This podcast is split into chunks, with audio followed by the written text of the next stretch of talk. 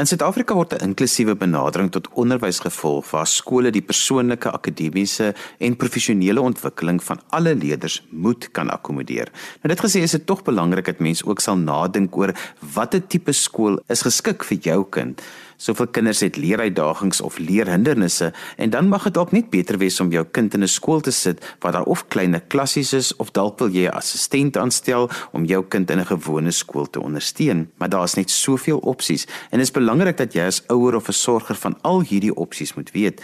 Kinders met leerhindernisse of uitdagings hoef nie altyd in 'n spesiale skool of 'n skool vir gestremdes geplaas te word nie. Ek gesels vandag met twee opvoedkundige sielkundiges oor die uitdagings om die regte tipe skool vir jou kind te kry. Leander Otto is 'n opvoedkundige sielkundige by die Creative Kids Remedierende Skool. Leander, dit is dalk goed om net 'n bietjie agtergrond te gee oor die tipe skole wat daar tans in Suid-Afrika beskikbaar is. In Suid-Afrika is daar 'n dokument, die White Paper 6, en daarin het ons 'n inklusiewe onderwysstelsel opgestel wat ons dan nou vir die laaste klompie jare volg.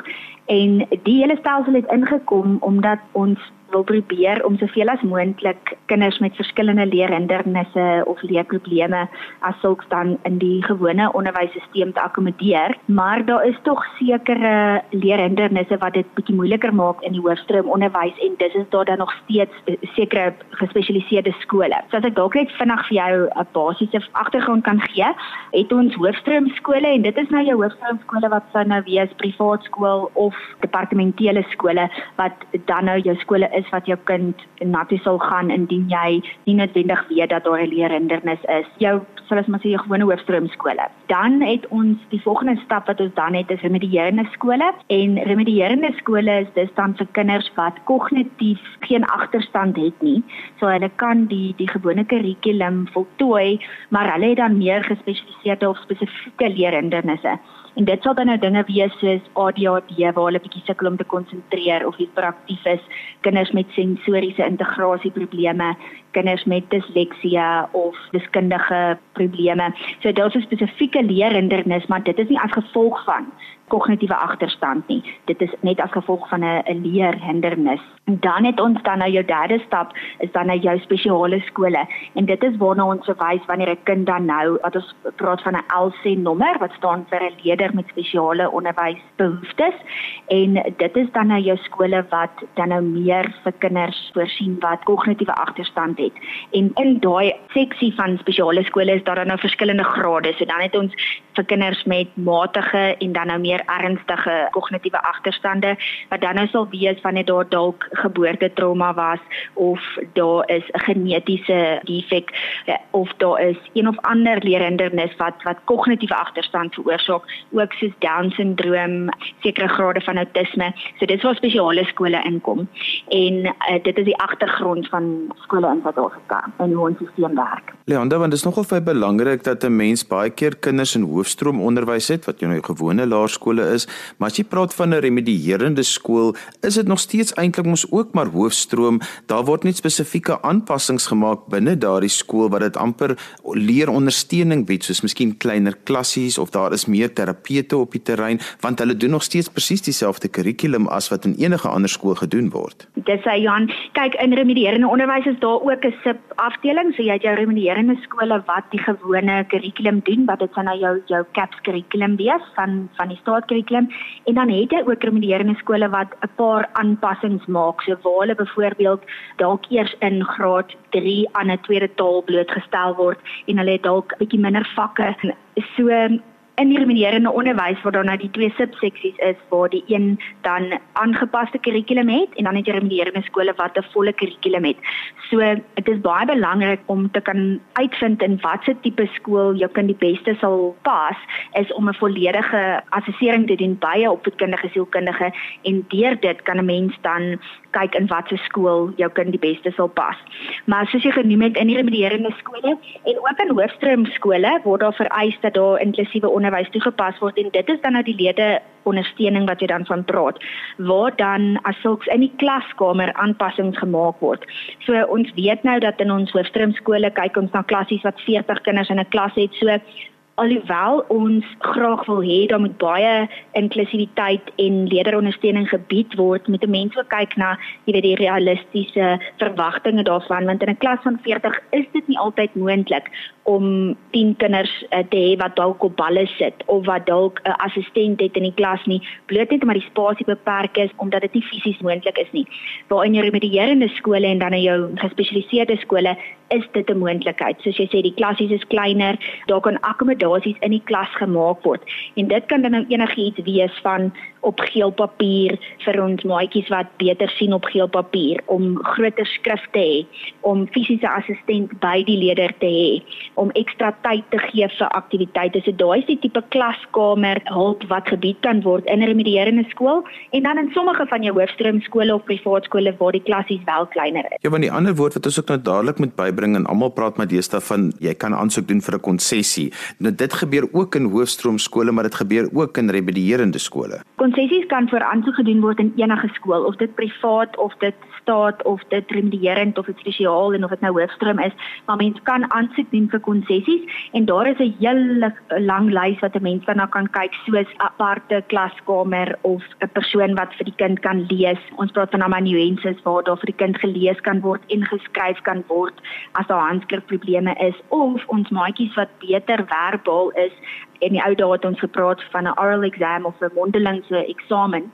Dit is ook beskikbaar, maar daar's soveel anders. Ons kan aansoek doen dat leerders op rekenaars hulle eksamens voltooi. Ons kan aansoek doen dat hulle 'n assistent het, iemand wat hulle help beplan. So daar's baie konsessies wat 'n mens voor kan aansoek doen, maar dit kan 'n mens net doen indien 'n mens bewyse kan lewer dat dit nodig is en dit is dan nou waar ek weer eens verwys het na daai volledige assessering waar dit dan voorgestel kan word en aangevra kan word. So dis nogal nodig dat ouers moet weet watse tipe kind moet na watter tipe skool toe gaan. Kyk, ons stelsel het dit redelik goed uitgelê. As 'n mens net vroeg genoeg weet, kan 'n mens soveel beter, jy weet, die regte skool vir jou kind kry en hulle net soveel beter ondersteun en baie ander komplikasies verminder in hulle lewe as hulle van vroeg af die regte hulp kry. So die groot ding is om 'n volle assessering te doen om te kan kyk en om hulle in die regte skool te plaas want indien mense dit nie mens, mens kan nie toegang kry tot 'n remediering of 'n of 'n spesiale skool indien jy nie so assessering het nie.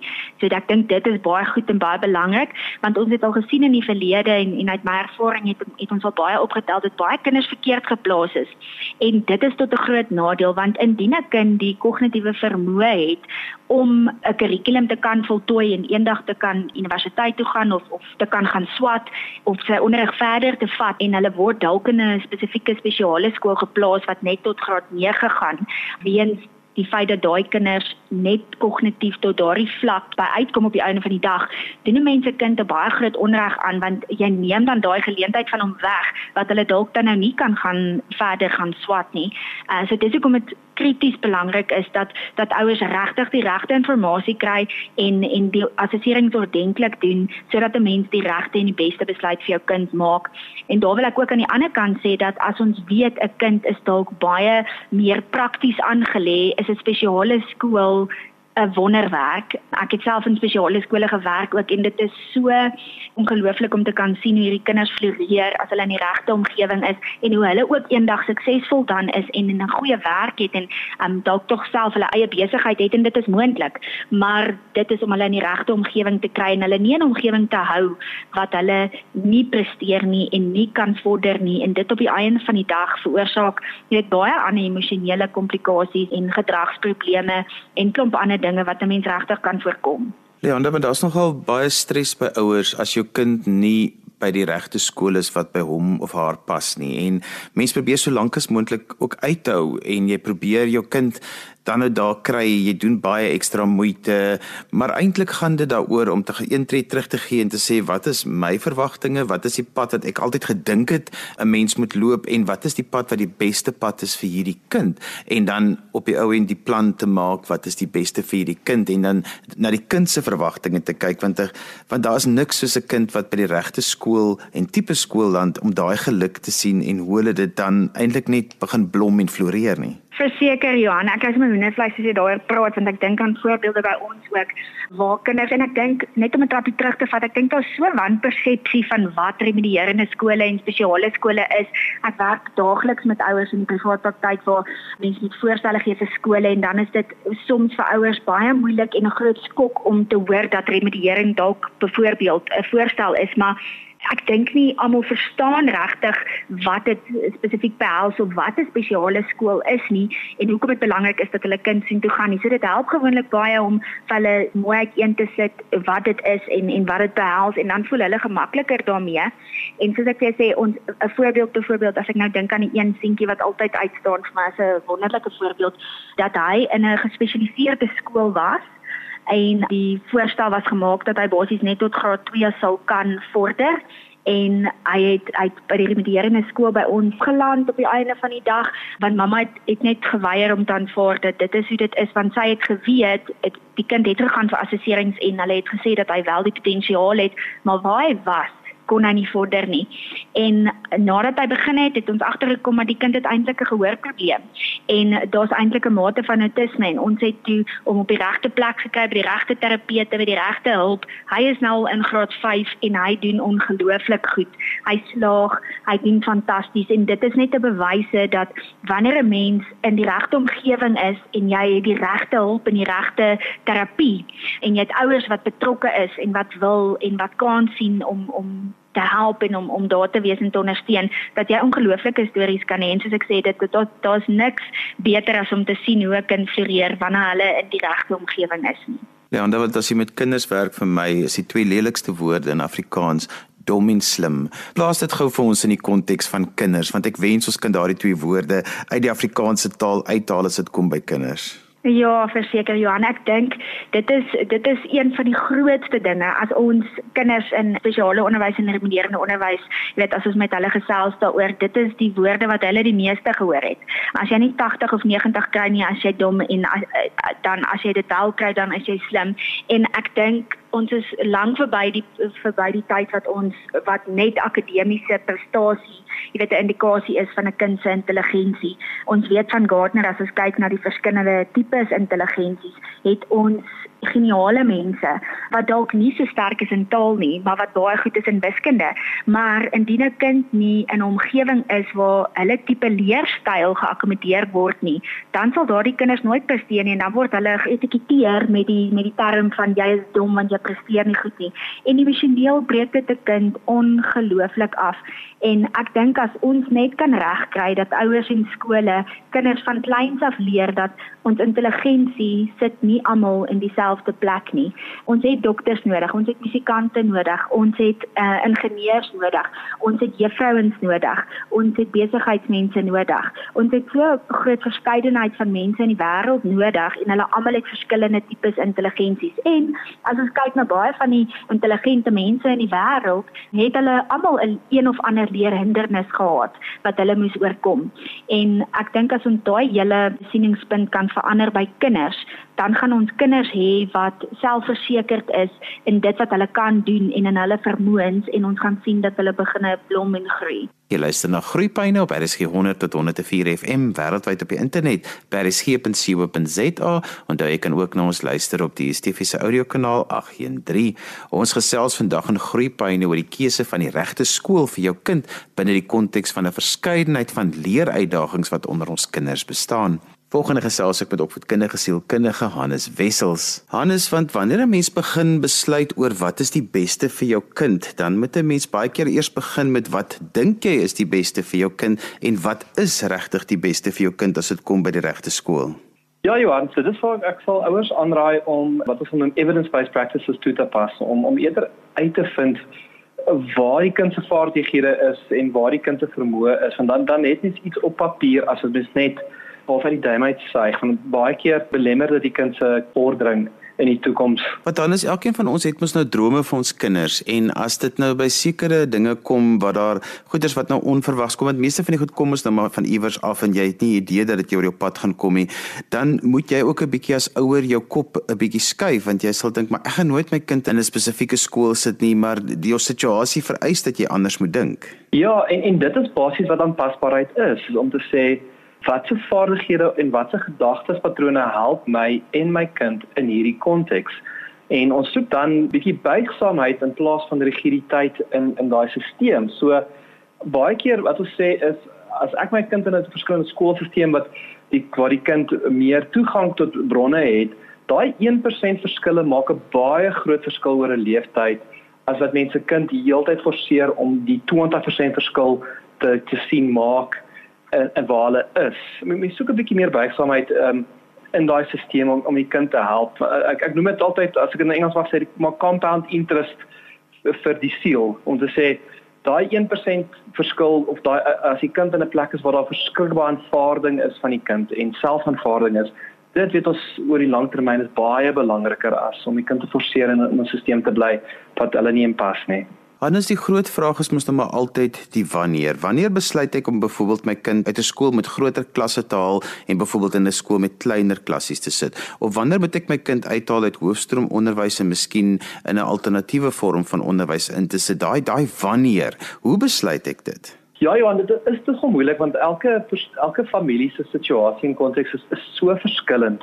So wat ek wil sê is om wanneer mens kan regtig sien dat die kind begin sukkel en wanneer die gesprek om die kind se vordering onnodige konflik veroorsaak in die familie wanneer die familie voel die gesprek om die kind en die gesprek onder om die kind se onderrig is hulle om hulle besig weg te vat van die waardes van die familie af dan is dit belangrik om uh, dadelik te besluit. Ek sal ook sê dis um, om vroeër 'n besluit te maak is beter as om te laat 'n besluit te maak sodra mens begin huiwer, gaan na op 'n kindergesielkundige toe en, en doen die assessering of vra hulle opinie oor dit want uh, wat ons doen is ons probeer al die verskillende stelsels om die kind en selfs ehm um, die verskillende uh, vlak van vaardighede kognitief ehm um, um, opvoedkundig neem ons in ag om hierdie besluit te neem. So dis nie net dis nie 'n maklike besluit nie, maar ons probeer soveel as inligting gebruik om hierdie besluit in 'n familie help hierdie besluit te maak.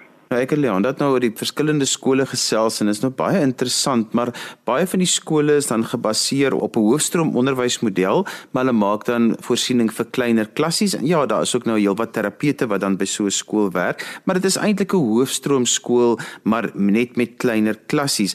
'n Mens moet ook baie mooi daaroor nadink of die kleiner klassies regtig verskil gaan maak aan. Is so gee ons 'n paar riglyne daar. Wat nog baie interessant, die navorsing oor hierdie is baie interessant is ons weet nie eintlik of of kleiner klaskamers 'n verskil maak nie, maar wat ons wel vind is baie keer is dit die kultuur in die skool wat die grootste verskil maak. So 'n kind kan net so goed doen in die groot klas as wat hulle in 'n klein klas doen. Dit is net baie keer is die die onderwyseresse of die onderwysers in 'n kleiner klas voel 'n bietjie meer bevoegd om u kind te kan help.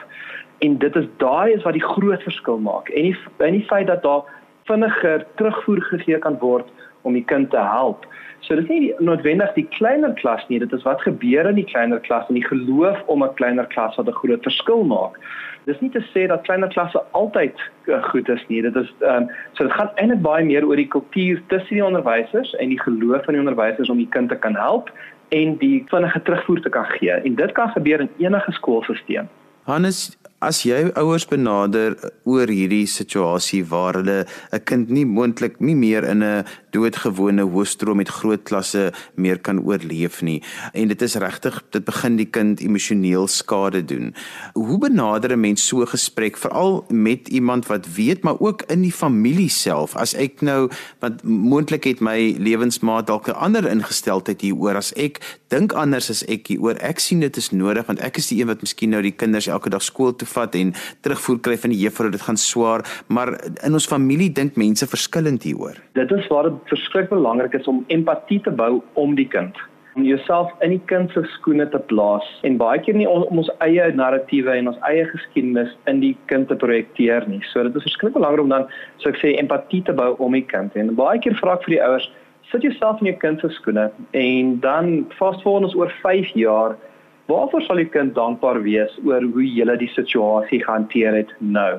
En dit is relatief tot elke familie, maar hierdie gedagtesexperiment help verskriklik baie om daai empatie te bou en wat ook help is om families om om gemeenskaplike waardes te bevestig en te sê Hoe maak ons hierdie besluit om hierdie waarde? As as die waarde dalk resilience is, dan dan kan ons besluit om dit maak of as die waarde akkommodasie en liefde is, dan kan ons besluit maak om hierdie waarde. So bou empatie en maak die besluit om gemeenskaplike waardes in die stelsel sal my advies wees vir mense.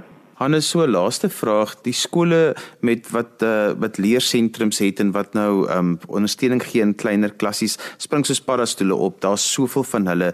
Dis nogal belangrik dat 'n mens saam met 'n kundige persoon jou huiswerk sal doen, dat jy sal uitvind maar watse tipe hulp is by die skool of is dit net 'n aanlyn skool waar die kinders eintlik maar net voor 'n rekenaar gaan sit, daar's nou net minder kindertjies in 'n klas en daar's 'n versorger wat rondloop om net te help as die kinders vashaak, dat 'n mens nogal saam met 'n kundige kundige persoon soos 'n opvoedkundige sielkundige daardie besluit sal neem want gewoonlik weet julle daarom wat aangaan by die spesifieke tipe skole in julle omgewing wat beskikbaar is. Ja, ek sê maar amper saam met Johan, mens moet 'n kundige opinie hê om hierdie moeilike besluite te maak.